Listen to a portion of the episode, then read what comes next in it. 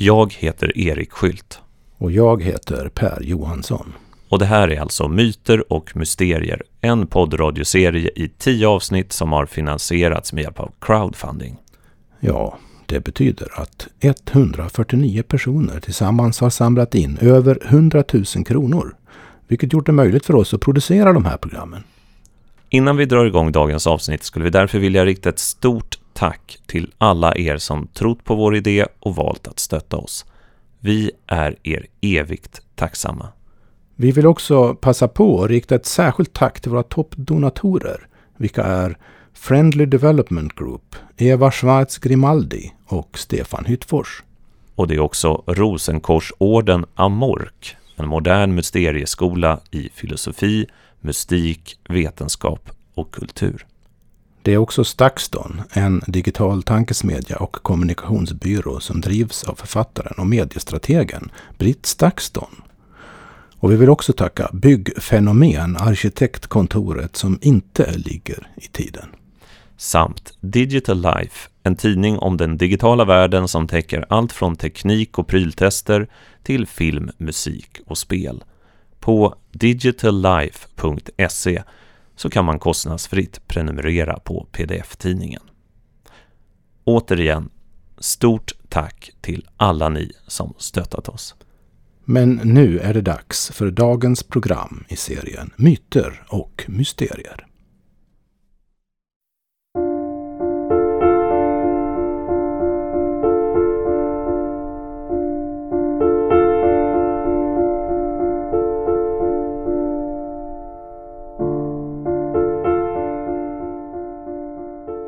En gång fanns de överallt.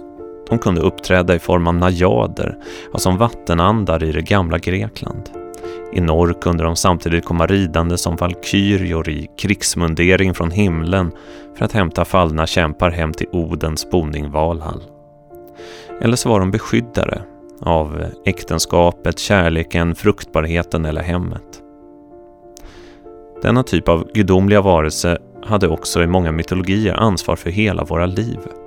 De vaktade den kosmiska ordningen under antiken, eller så spann de våra livstrådar, ja styrde våra enskilda öden i skepnad av nornor som satt vid världsträdet Yggdrasils rötter.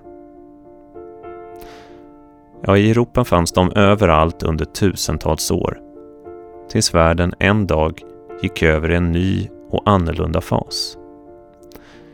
Och istället för många gudar blev det nu plötsligt bara en. Och denne ende gud var en man.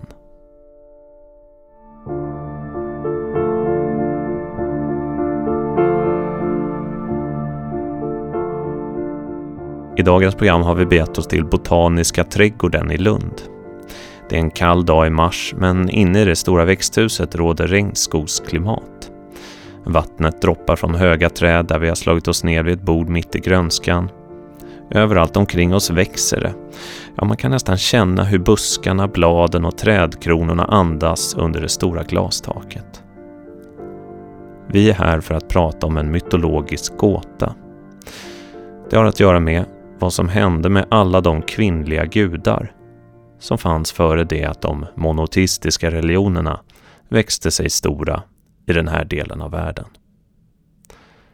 Du lyssnar på Myter och Mysterier som idag har rubriken Gudinnor. Det är en sak som jag har burit med mig sedan vi hade samtalet om det gamla Egypten. Och det är det är någonting som skulle kunna verka som en liten, liten detalj bara men som jag misstänker har en större inverkan på den egyptiska mytologin, det egyptiska samhället kanske, det egyptiska tänkandet och kanske till och med den egyptiska människan. Och det är den balans som fanns, som rådde i den egyptiska mytologin. Och då tänker jag kanske framför allt på balansen mellan det manliga och det kvinnliga. Mm. För det här är någonting som jag, när jag tittar på den europeiska historien, i alla fall under de senaste 2000 åren, i alla fall under den kristna epoken, om man kan kalla den så. Där verkar ju balansen mellan det manliga och det kvinnliga verkar på något sätt rubbad. Nu vet jag att katolikerna skulle säga att jo men okej, okay, Gud, eh, fader är en man. Jesus, sonen, är en man. Men vi har ju Maria som ändå får stå för någon typ av kvinnlig princip. Men det där tycker jag är lite för tunt på något sätt. För att det jag har lärt mig om det egyptiska tänkandet det är att där rådde det en absolut balans. Alltså i, i ett gammalt egyptiskt tempel så var det vanligt att var det tre manliga gudastatyer, då fanns det tre kvinnliga också. Så gudarna och gudinnorna hade liksom samma positioner i hierarkin. Och det här tycker jag är intressant för att det är så lätt att man tänker, ja ja, om de senaste säg 30 åren i Västeuropa har det skett en feministisk revolution och vi har börjat uppgradera det kvinnliga på ett helt annat sätt och därför det hänger ihop med att vi är moderna. Men tänk om den radikaliteten som vi ser idag, tänk om den var det normala för många, många tusentals år sedan i det gamla Egypten. Och eh, som jag sa inledningsvis, det kan ju verka som en liten detalj det här bara. Men jag har en känsla av att det här är någonting som är väldigt centralt.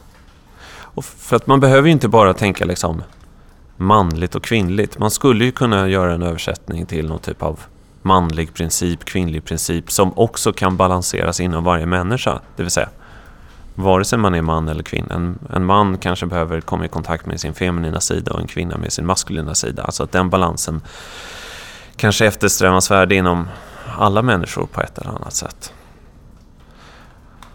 Och utifrån den här undran som jag har då så tycker jag det vore intressant att prata om just ja, men gudinnans funktion och ställning rent mytologiskt. Och vilka mysterier som omgärdar henne genom historien.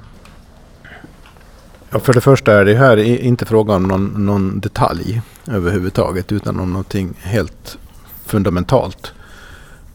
Eh, om, om man nu idag, idag upplever det som radikalt att främja det kvinnliga i olika avseenden. Eller det feminina. Oavsett hur konkret eller abstrakt eller principiellt det uppfattas. Så mot, mot den historiska bakgrunden av, av, av den kristna kyrkans dominans och hur den har sett ut och gestaltats så är, är det väl snarare någon sorts tendens till medvetenhet om att det är någon rubbad balans som kanske vore bra om den återställdes.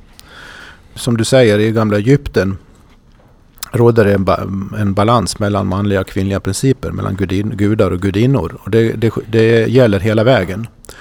Egyptiska skapelseberättelserna, det finns flera stycken som är lite olika men ganska principiellt överensstämmande ändå. De, de är uppbyggda i flera led. Så det börjar med någonting helt odefinierat och sen på något sätt utan, jag ska inte gå in på det närmare, det finns beskrivningar av det här i olika metaforiska, symboliska termer. Men på något sätt så utdifferentieras det två aspekter här. En aktiv aspekt och en, en passiv aspekt skulle man kunna säga.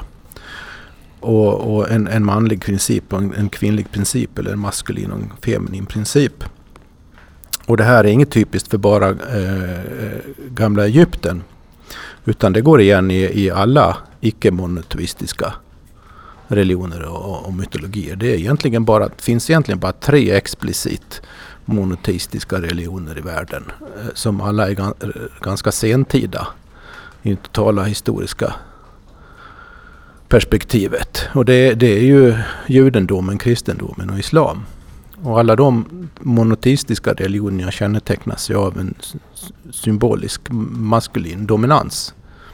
Som också yttrat sig i reell maskulin dominans då på olika sätt.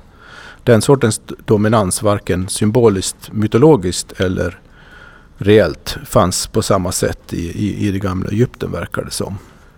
samtidigt måste man ha klart för sig att det går inte att översätta direkt mellan religiös eller metafysisk symbolik och mytologisk gestaltning i gudar och gudinnor. Det går inte att översätta direkt mellan det och sociala förhållanden. Man behöver bara titta på Indien som ju har samma typ av balanserade mytologi egentligen som, som man hade i det gamla Egypten. Men, men eh, där kvinnans ställning ju inte precis är, är vad man skulle önska.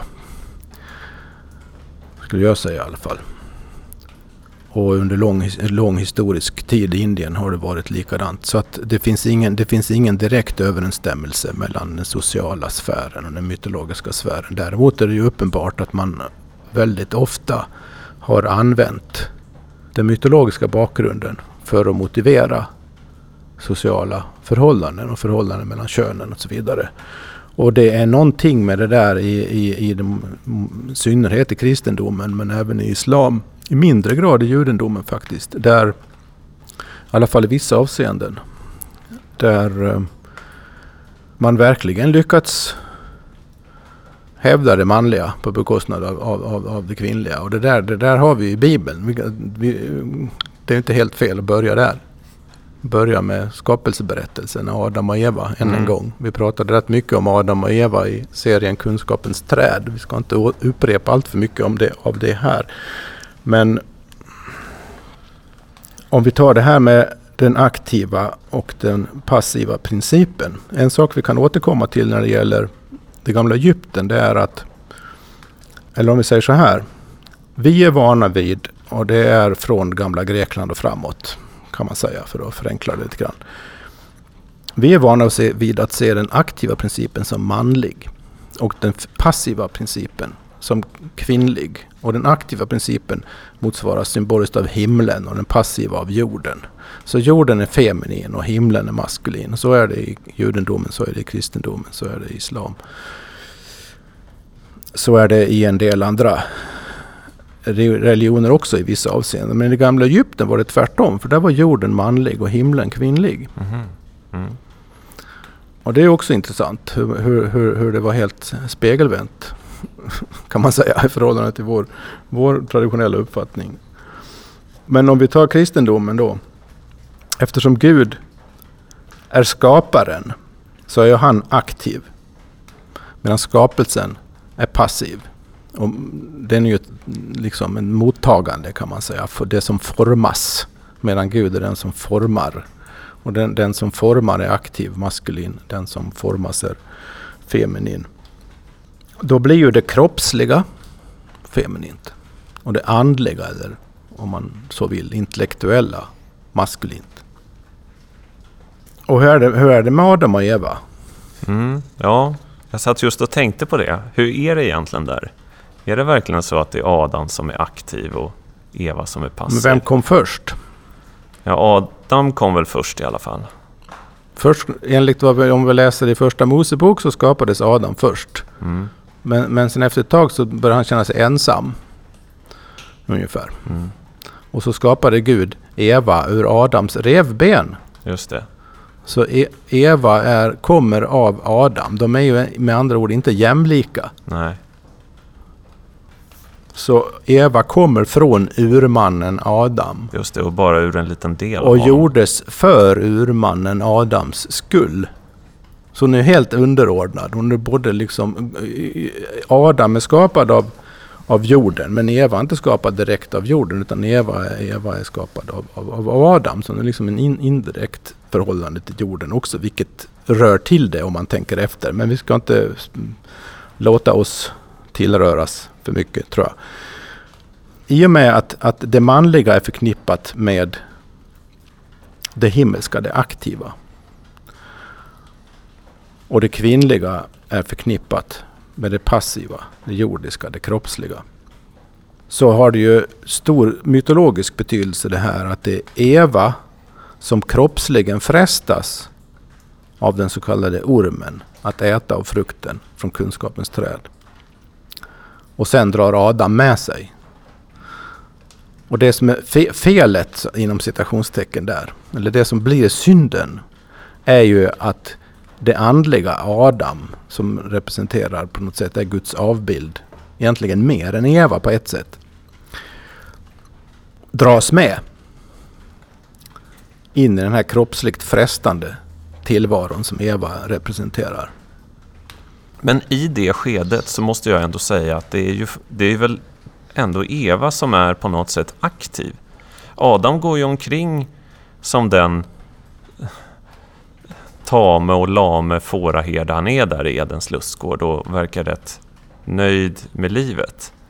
Det är ändå rätt passivt beteende skulle jag säga. Eva är ju den som, vad man nu än tycker om syndafallet och ormen, Eva är ju den som gör att det händer någonting. Utan henne hade det ju bara fortsatt som livet i lustgården eller växthuset som vi sitter i nu. Det hade ju bara varit lugnt och skönt och ingenting hade hänt. Men vi hade ju inte fått världen som vi känner den, vi hade inte fått passionen, vi hade inte fått utvecklingen, vi hade inte fått det liv som vi som människor som vi är idag identifierar som ändå ett spännande liv.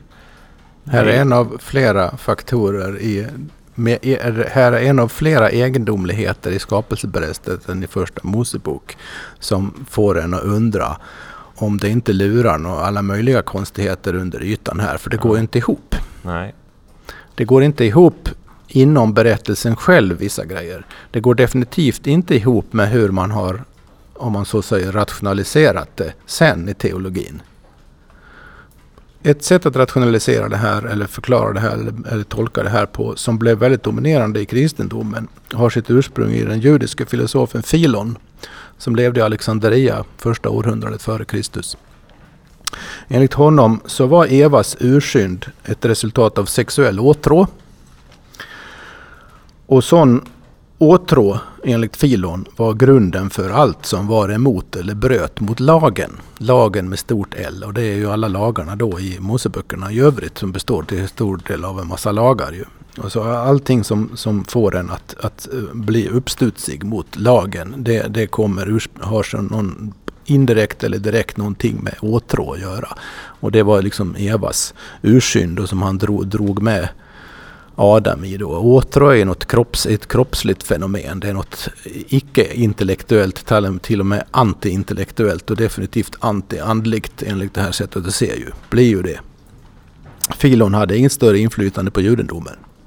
Men han fick väldigt stort inflytande via olika kyrkofäder och andra kristna tänkare på, på kristendomen och hur den utvecklades.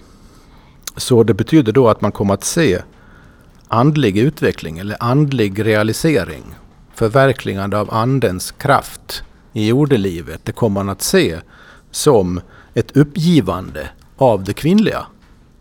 Principiellt alltså av det fysiska, av det passiva, det kroppsliga, det sinnliga till förmån för det manliga som då eh, var symbol för det aktiva, rationella, okroppsliga, himmelska. Och det här känner man ju verkligen igen då sen i senare kristen teologi och praktik. Men här måste jag ju, redan här så måste jag ju protestera lite. Inte mot dig, men ute, mot det synsättet. Jag menar, här ska man inte komma dragandes med Freud igen, eller så är det precis det man ska göra. Ja, kanske det. För att, jag menar, vad är det här för synsätt egentligen? Vad, vad är det som man är så otroligt rädd för? Ja, men Freud skulle ju säga att det finns någon slags sexualskräck här i grunden. Och... Ja, men det är klart, om man har en strikt syn att man tycker efter syndafallet så blev världen verkligen helt eländig och eh, fallen och det, det enda sättet att överleva är egentligen att försaka världen och liksom säga nej till saker som sexualitet eller frestelser eller åtrå. Ja men det är klart, och så får man leva sitt munkliv och fjärma sig från världen och bara längta tillbaks till Guds hage. Men det där skulle jag säga samtidigt är att man, man faktiskt inte helgar världen som den är. Jag menar, är det inte bättre att man försöker acceptera de olika drivkrafterna som finns i människan och i världen och man kanske inte ska låta det gå överstyr men ändå liksom det där möter dem ja. och liksom vänjer sig vid dem. Och... Jag menar, jag tror ju verkligen på att det jämlika förhållandet mellan man och kvinna, eller manlig princip och kvinnlig princip, är för samhällets bästa. Jag tror att det där Filons idé, det, det skapar bara någon typ av neuroser och fundamentalism. Ja, de, de, de funderingar du precis gav uttryck för, det, det är ju, låter ju som ett så, lite trevande sätt att uttrycka vad man eh, egentligen måste ha tänkt och tyckt i gamla Egypten. Men varför, om jag säger så här för att göra det väldigt konkret. Varför tror du att gudinnorna försvann? Ja, det var en, det var en avsiktlig utrotningskampanj från kristna kyrkans sida. Efter att den hade blivit statskyrka i Rom i synnerhet. Så var det helt systematiskt utrotande av alla föreställningar och eh, eh, all, allt som hade med, med det att göra. Så som den kristna traditionen hade kommit att utvecklas. Så för att bli frälst måste man följa Kristus. Och Kristus representerar en manlig princip. Det finns en kvinnlig princip naturligtvis i kristendomen också.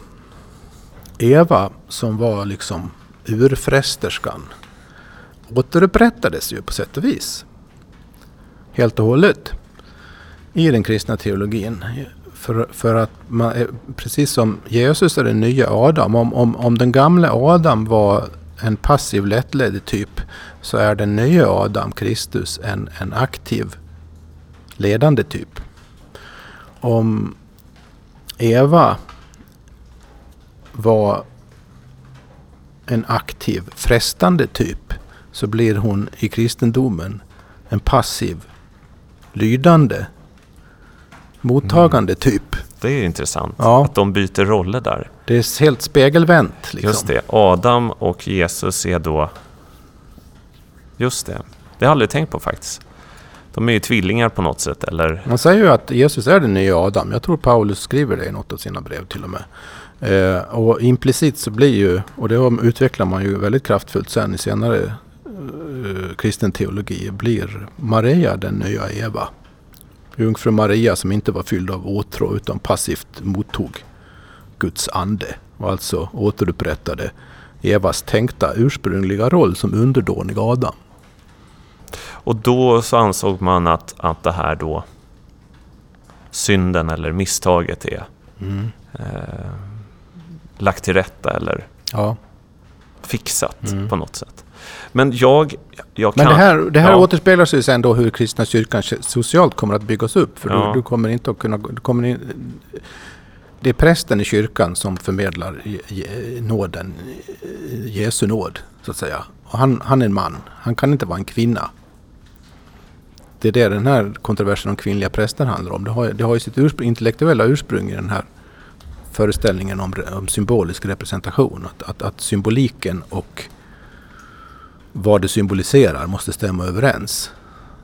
Tycker vissa. Och andra tycker att det spelar ingen roll. För att vi har principerna är likadana vare sig vi är man eller kvinnor. Det, liksom, det är på ett annat plan. Tycker andra då. Men skulle man kunna göra, vara så här drastiskt då? Alltså i Sverige inom Svenska kyrkan så har vi väldigt mycket kvinnliga präster idag. Och det är många som säger till och med att eh, prästyrket kommer bli helt kvinnodominerande i framtiden. Det här kanske är en mycket större teologisk eller närmast mytologisk förändring än vad vi har förstått. Här kommer det gamla egyptiska arvet tillbaka på något sätt. Ja, det, det, det är även, även om det kanske är att överdriva att säga att det är det gamla egyptiska arvet så är det, är, är, är det något, något, något, något djupare liggande myto, närmast mytiskt skeende bakom det hela. Det, det, skulle man ju mycket väl kunna säga.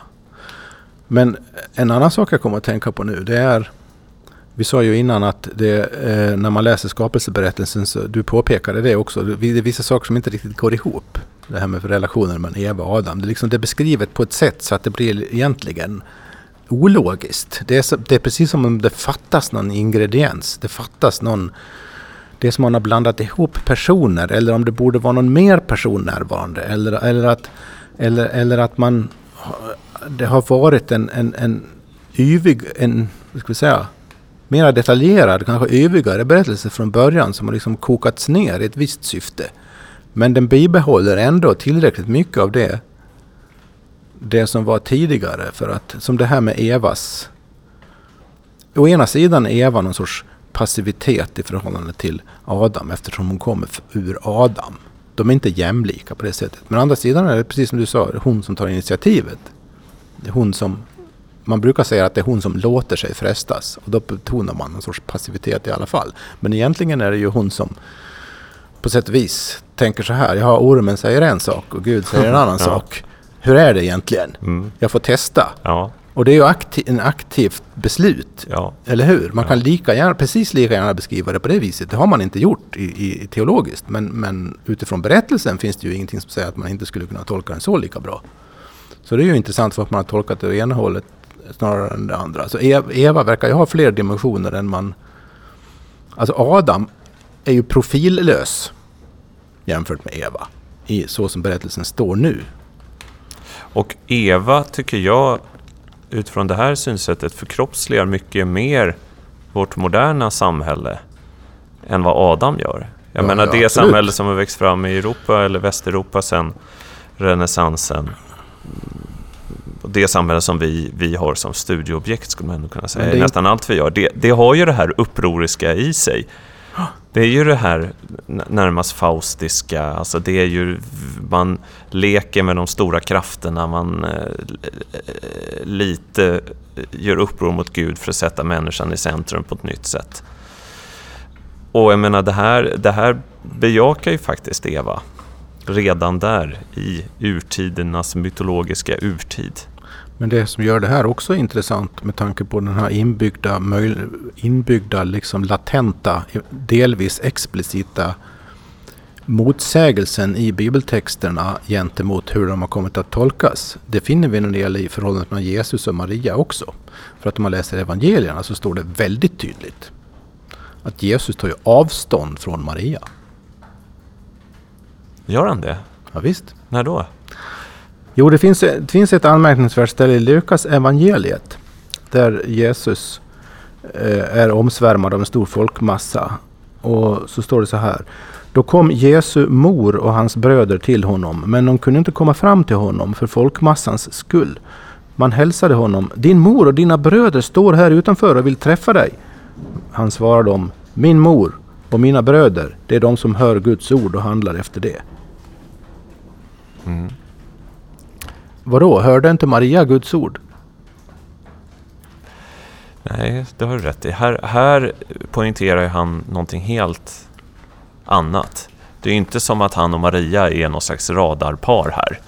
Där Verkligen han känner, eh, oj nu upprättar jag Adam och hon känner, nu upprättar jag Eva här. Utan det är snarare som att Jesus talar om någon slags helt annorlunda, där, där en värld där nya annorlunda regler ska gälla. Däremot talas det ju då om andra kvinnor som följde Jesus. Det står till exempel så här. Det här, tror jag också, det här är väl också i Lukas evangeliet. Därefter vandrade Jesus genom städer och byar och förkunnade evangeliet om Guds rike. De tolv var med honom, alltså lärjungarna, hans allra närmaste vapendragare och medarbetare eller vad man ska kalla dem. Och även några kvinnor som hade blivit botade från onda andar och sjukdomar. Maria, som kallades Magdalena, från henne hade sju onda andar farit ut. Och Johanna, hustru till Herodes förvaltare Kusas, samt Susanna och många andra som tjänade dem med vad de ägde. Alltså här kan det upp flera kvinnor som står Jesus nära. Och i, i, i icke-kanoniska traditioner finns det mycket mer att hämta om den här Maria Magdalena. Som där framhålls som stående Jesus väldigt nära. Oerhört mycket närmare än Maria i alla fall. Alltså hans mor. Så här, här finns det ju då även i de kanoniska evangelierna antytt en sorts latent motsägelse av lite samma frustrerande slag som vi hittar i skapelseberättelsen och som, som gör det möjligt att utifrån vad det faktiskt står tolka det på lite andra sätt mm. än man har gjort traditionellt. Mm. Jag... Så det är precis som om man, man har inte kunnat trycka undan allting i de här texterna om vad som inom citationstecken egentligen var, mm. vad hände eller vad var frågan om.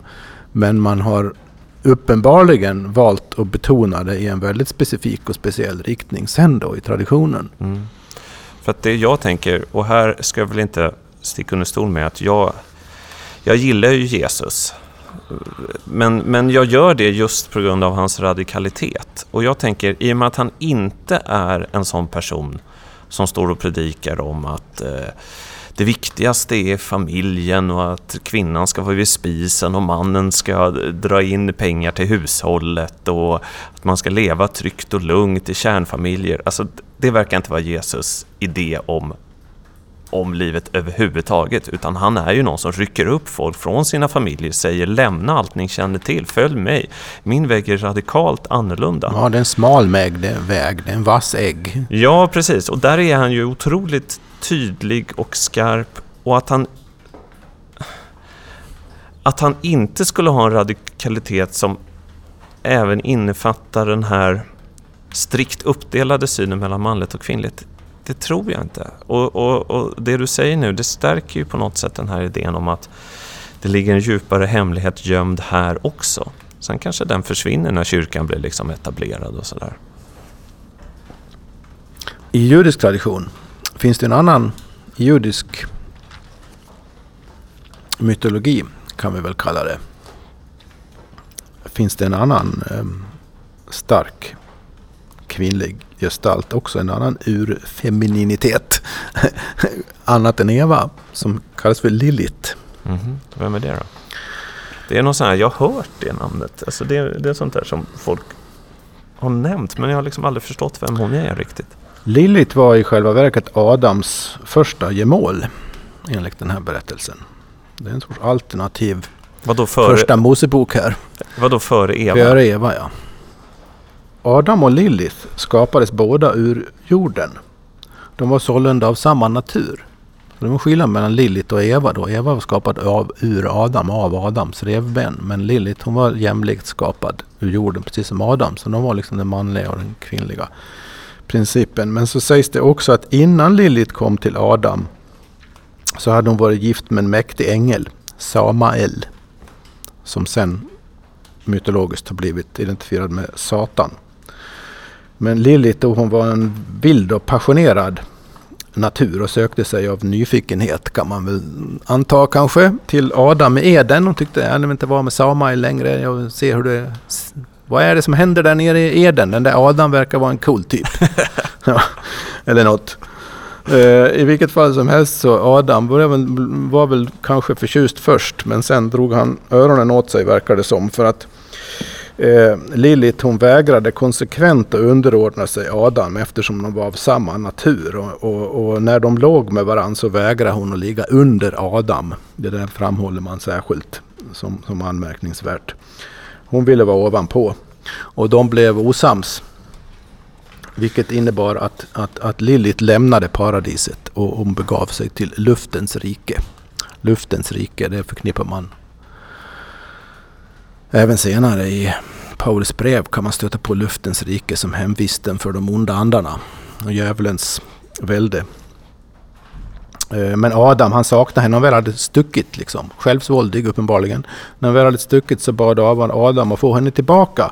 Och Gud han, han verkar förbarma sig över Adam då så han sände tre änglar på jakt efter Lilith. Och befallde henne återvända till Eden. Men hon vägrade såklart. Och då sa Gud att hundra av hennes avkomlingar skulle dö varje dag. Då anar man här att Lilith är inte bara vilken kvinna som helst. Hon är någon riktig mytologisk kvinnlig princip här. Hundra avkomlingar, en varje dag liksom skulle dö. Men Lilith var inte sämre utan hon hämnades genom att säga jaha, om du dödar eh, hundra av mina avkomlingar varje dag så ska jag döda så många människobebisar jag kan. Så det var den roll hon fick senare då i judisk mytologi, att som mm. den som mhm. dödar bebisar. Mm. Och hon hemsöker också män nattetid, väcker deras åtrå och tar deras sperma. Och på så sätt så befruktas hon och ger upphov till otaliga demoner hela tiden. Kan man också ana lite mera konkreta saker i bakgrunden. Mänskliga erfarenheter, i alla fall från den manliga sidan. Och för att Adam nu hade blivit ensam med Eden så skapar man sen, Gud sen då Eva av Adams revben för att mera hon mera säkert skulle vara underordnad den manliga principen. Så vi, vad vi ser i Lilith är någon sorts självständig, självsvåldig, alldeles eg, på eget bevåg aktiv kvinnlig princip. Helt annorlunda. En häftigare variant av Evas nyfikenhet och självsvåldighet när hon smakar av frukten sen då, skulle man kunna säga. Och en totala antitesen till Maria naturligtvis, så som hon framställs i senare kristen teologi. Och inte ens Gud själv verkar ju ha kontroll över henne. Nej, exakt. Nej. Men var kommer den här traditionen ifrån då? Alltså ja. hur, hur underjordisk är den? Alltså är det här bara något lite eko från myternas värld eller det finns en Lilith-figur under i princip samma namn i den babyloniska mytologin. Som har den här rollen av eh, bebisdödare och framförallt någon sorts vampyrliknande demon. Men varför man i den judiska traditionen har gjort henne till egentligen till en sorts annan sorts Eva.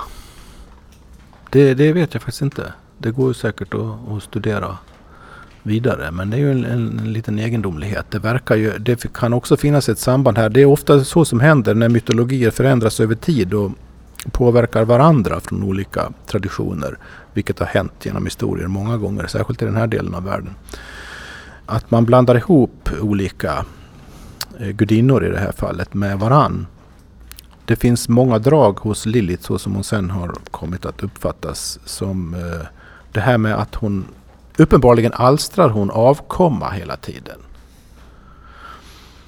Där kan man tänka på den, en, en, den eh, babyloniska urgudinnan Tiamat. Som var liksom ur, urgrunden, urmodern, ursprunget till allting. Man kan säga att Tiamat är den kosmiska avgrunden. De ka kaotiska urenergierna som föregår skapelsen. Men också som står för all fruktbarhet. Jag kan slå mig nu när vi sitter här i, det här, i den här djungeln här. I växthuset i Botan i Lund. Regnskogsväxthuset. Jag kommer ihåg när jag, jag har varit i ett par djungelliknande miljöer i södra Mexiko och i i Afrika. Och vet du, jag kommer på mig med att vara lite... lite jag är lite skrämd av djungler. Jag kan förstå den här... Jag kommer att tänka på det nu när vi pratar om Tiamat. För Tiamat är någon sorts obändig alstringskraft. Kaotisk liksom. Det bara väller ut saker. Och det är lite oformligt, okontrollerbart. Och det, det är bara liksom... Man, det är liksom du tänker dig en, en gryta som kokar och bubblar och sjuder och det ångar. Och det går inte att förutsäga var nästa bubbla kommer. Och det ser ut som att koka över när som helst. Liksom. Lite sån känsla får jag i en djungel. Att det är så sjukt mycket växtlighet. Mm. Och det man nästan ser hur det växer. Mm. Det känns som om, om, jag går, om jag går för sakta på den här stigen så kommer jag att växa, i, växa över. Det, det, det känns så. Jag, jag, är nästan lite överkänslig för sånt verkar det som. För jag, jag, jag, kände liksom hur i en djungel är man där på djungelns villkor helt och hållet. Man liksom ingen... Ja, ja, det här med tema, temat ja. sen då besegras av en av sina avkomlingar som heter Marduk som klyver temat eh, och, och därmed uppstår världen vi, som vi känner till den. Det finns till och med en koppling här mytologiskt till Gamla Testamentet. Det finns ett i, alldeles i början på första Mosebok så står det hur Guds ande svävade över djupet. Djupet, det är tehom på hebreiska. Ett, ett ord som har mycket eh, befryndat med just ordet temat, den babyloniska mm. mytologin. Men, det finns en sorts koppling här mellan, mellan eh, det som kallas Gud i översättningen i, i Första Mosebok här och Marduk som är den manliga principen som bringar ordning i den här grytan som håller på att koka över. Jaha, så att, så att Marduk är då den manliga principen Mm. som, som tämjer, kan man säga, Just det. Tiamat. Dödar egentligen. Död, Men, okej, men, ja. men i och med dödar i den meningen att, att han sänker värmen. Ja. Kanske. det kokar inte över Nej. lika obändigt. Och, Och här har du ju också den här liksom, vad ska vi säga, nästan emotionella beröringspunkten mytologiskt med, med Lilith-myten. Där hon inte går att styra Nej, alls. För att det som blir då i, i första Mosebok är ju, resultatet blir ju en trädgård. Eden. Precis. Alltså väldigt tuktad och Mm. ordning och reda Mm. och allting är ju i balans. Ja. Förutom den här lilla ormen då, som Ja. på något sätt är den lilla, lilla obalansen som finns kvar där. Och där har du kanske ursprunget till den här latenta egendomligheten, motsägelsen, att det inte riktigt går ihop som vi sa innan i, i, i den här historien med Adam och Eva. För att eh, vem är ormen? Jo, han, kommer att, han förknippas ju senare då i, i, traditionen, särskilt i kristendomen, med djävulen.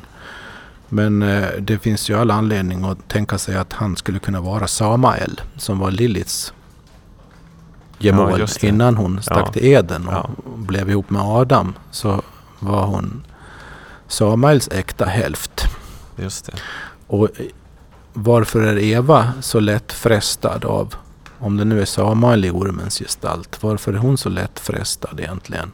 Li- Eva kanske har bibehållit en del, en del av Liliths Just det. karaktär egentligen. Så att i, med den här läsningen så blir ju då, vad ska man säga, det kvinnliga i urtiden blir ju någonting helt annat än det passiva. Utan snarare det totalt vilda. Ja, Och det som... och så tänker du att du förknippar det med kvinnor då? Mm, Från manlig synpunkt? mm. Alltså om man ska bli lite psykolog här. Mm. Vad gör man med en rädsla? Då skulle jag säga att det bara finns två sätt att, att handskas med en rädsla. Den ena är att försöka möta den fullt ut. Man vänder sig om och stirrar det som man är rädd för rakt i ögonen. Och förhoppningsvis så, antingen blir man ju slukad då, av det som jagar en. Eller så vänjer man sig och, och lyckas eh, leva med den här fruktan. Eller så gör man allt vad man kan för att tämja det man är rädd för. Genom regler, förbud, straff, inskränkningar, till och med förtryck kanske. Jag kan bara ana någonting här i den här skapelseberättelsen. Jag menar, det finns en det finns ju faktiskt något lite neurotiskt över den. Gör det inte det?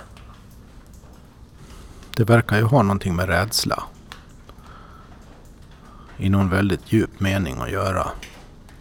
Tänk om män, om vi tänker väldigt konkret faktiskt här nu då, att, att, och, och tänker att det finns någon, att det också, förutom vissa metafysiska överväganden, så, så är det liksom här, när vi pratar i de här mytiska termerna, inbakat i ihop med de här faktiska upplevelserna av att leva här i världen också, vara män och kvinnor. Tänk om det finns någon förnekad sida i mannen som, som faktiskt är, upplever sig som svagare än kvinnorna. Att kvinnorna egentligen är, är det starka könet. Som temat eller Lilith. Och att män många gånger i många kulturer i många, under historien har löst den. Inte har sett den här kvinnliga hotet som man då kanske uppfattar det som på ett sätt. I ögonen. Och löst det i sig själva. Utan har tryckt ner det som påminner om det istället. Det vill säga kvinnorna man har runt omkring sig. Och så återspeglas det i de här myterna. För att det är ju, det är ju faktiskt som du inledningsvis påpekade slående hur, hur de äldsta mytologier vi känner till är både på ett metafysiskt plan och på ett konkret symboliskt plan balanserade när det gäller relationen mellan de manliga och de kvinnliga principerna. Och det är känt också från det gamla Egypten att även höga präster och, och befattningshavare och ledare kunde vara kvinnor faktiskt. Det kanske inte var regel, men det var definitivt inget, inget direkt undantag heller. Det fanns prästinnor lika väl som, som präster. Och så var det ju fortfarande under den alexandrinska, alltså den hellenistiska tiden och sen i romarriket och så vidare. Var det ju också så i, i vissa avseenden, många avseenden faktiskt. Men är det inte så också att det finns en underströmning här som vi kanske kommer tala mer om i, i, i nästa program. Som vi återvänder till den här hermetiska traditionen. Alltså det esoteriska, det som ligger under ytan i den västeuropeiska utvecklingen. Att det här finns en idé om att faktiskt förena det manliga och det kvinnliga och ur det föda någonting nytt som är, vad ska man säga, mer till och med androgynt. Det, det är definitivt eh, sant och det går att belägga rent idéhistoriskt. Att det man skulle kunna sammanfatta som, som de underjordiska esoteriska strömningarna i väst. De, de har konsekvent gått på tvärs mot den maskulin, maskulina principens över, överhöghet. De har främjat och på olika sätt utnyttjat det feminina som en, en positiv kraft och därför har, man, har de också av kyrkan sett som djävulens påfund. Man har, man har till exempel eh, hämtat symbolisk inspiration, man har hämtat, hämtat eh, både psykologisk och an, framförallt, vilket är helt antikyrkligt då, andlig inspiration och kraft från, från det kroppsliga, från naturen, från sexualdriften, från mörka krafter till skillnad från de rationellt upplysta. Det är genomgående i hela den så kallade underjordiska esoteriska traditionen i, i, i den västerländska historien. Och, och, och, det går igen inte minst i alkemin. Som vi ska prata om i, i, i nästa program. Och det, det finns och yttrar sig också i, i, i modern tid. En av de absolut viktigaste inspiratörerna till någon sorts, en, en variant av hermetisk tradition under 1900-talet. Han hette Alistair Crowley Han kallade sig själv för The Great Beast 666. Vilket han syftar då naturligtvis på Johannes uppenbarelse. Och odjuret där. Odjurets tal. Det var, fanns en självironisk bakgrund också till att han använde det epitetet om sig själv. För hans mamma som var fundamentalistisk, fanatisk kristen kallade hon näm nämligen för The Beast när han var liten. för att han inte ville tydligen anpassa sig efter hennes. Ja, en, en känd eh, mytologisk figur hos Crowley. Han grundar ju en religion som kallas för Thelema. Som vi, inte, vi ska inte gå in på det här. Men i Johannes uppenbarelse, apropå det här med manligt och kvinnligt.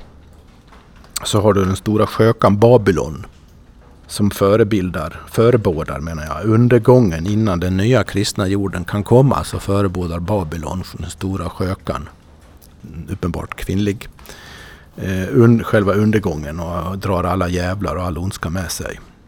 Och Crowley han vände ju på det, han kallade henne för Babylon och såg henne som en positiv kraft nödvändig för att bli medveten. Alltså för att bli, öka sin medvetenhet om saker och ting. Så han, han, han vände på det där. Han, det är lite kul med Crowley för han anses ju fortfarande av många som inte har studerat särskilt noga egentligen vara någon sorts satanist, vilket inte stämmer alls. Om man läser det noga. Däremot har han verkligen vänt på de symboliska korten om man säger så. Ytterst det, medvetet. Men jag tänker att det måste finnas någon typ av medelväg här. Jag menar att ta en sån som mig då, som, som är lite rädd för de här mest okulta, mörka sakerna. Jag, jag, vill liksom inte riktigt gå in i de områdena. Dels av att jag känner en... Jag känner väl av någon, någon, något kristet i mig som, som blir lite rädd när du, när, när, du läser upp de här sakerna. Men, men, men samtidigt kan jag inte sticka under stol med att jag tycker att det är någonting som har gått fel i den här monoteistiska traditionen där allting kvinnligt har försökt tuktas och stängs in. Det, det, kan jag inte heller acceptera och då, då, då blir jag väldigt glad när du kommer med lite Eh, bibelcitat från evangelierna där, där, där vi ser något tecken på att Jesus själv har en vidare syn när det gäller det här. Men jag tänker att det måste finnas någon typ av medelväg. Alltså det, det, det måste finnas någon typ av för det måste ju bli en balans även inom idén om, om balans. Liksom, Crawley, han... Det blev ju obalans åt, an, åt andra hållet. Han slutade ju liksom ensam i sin lilla sekt liksom och ja, ja, inte särskilt glad verkar det så.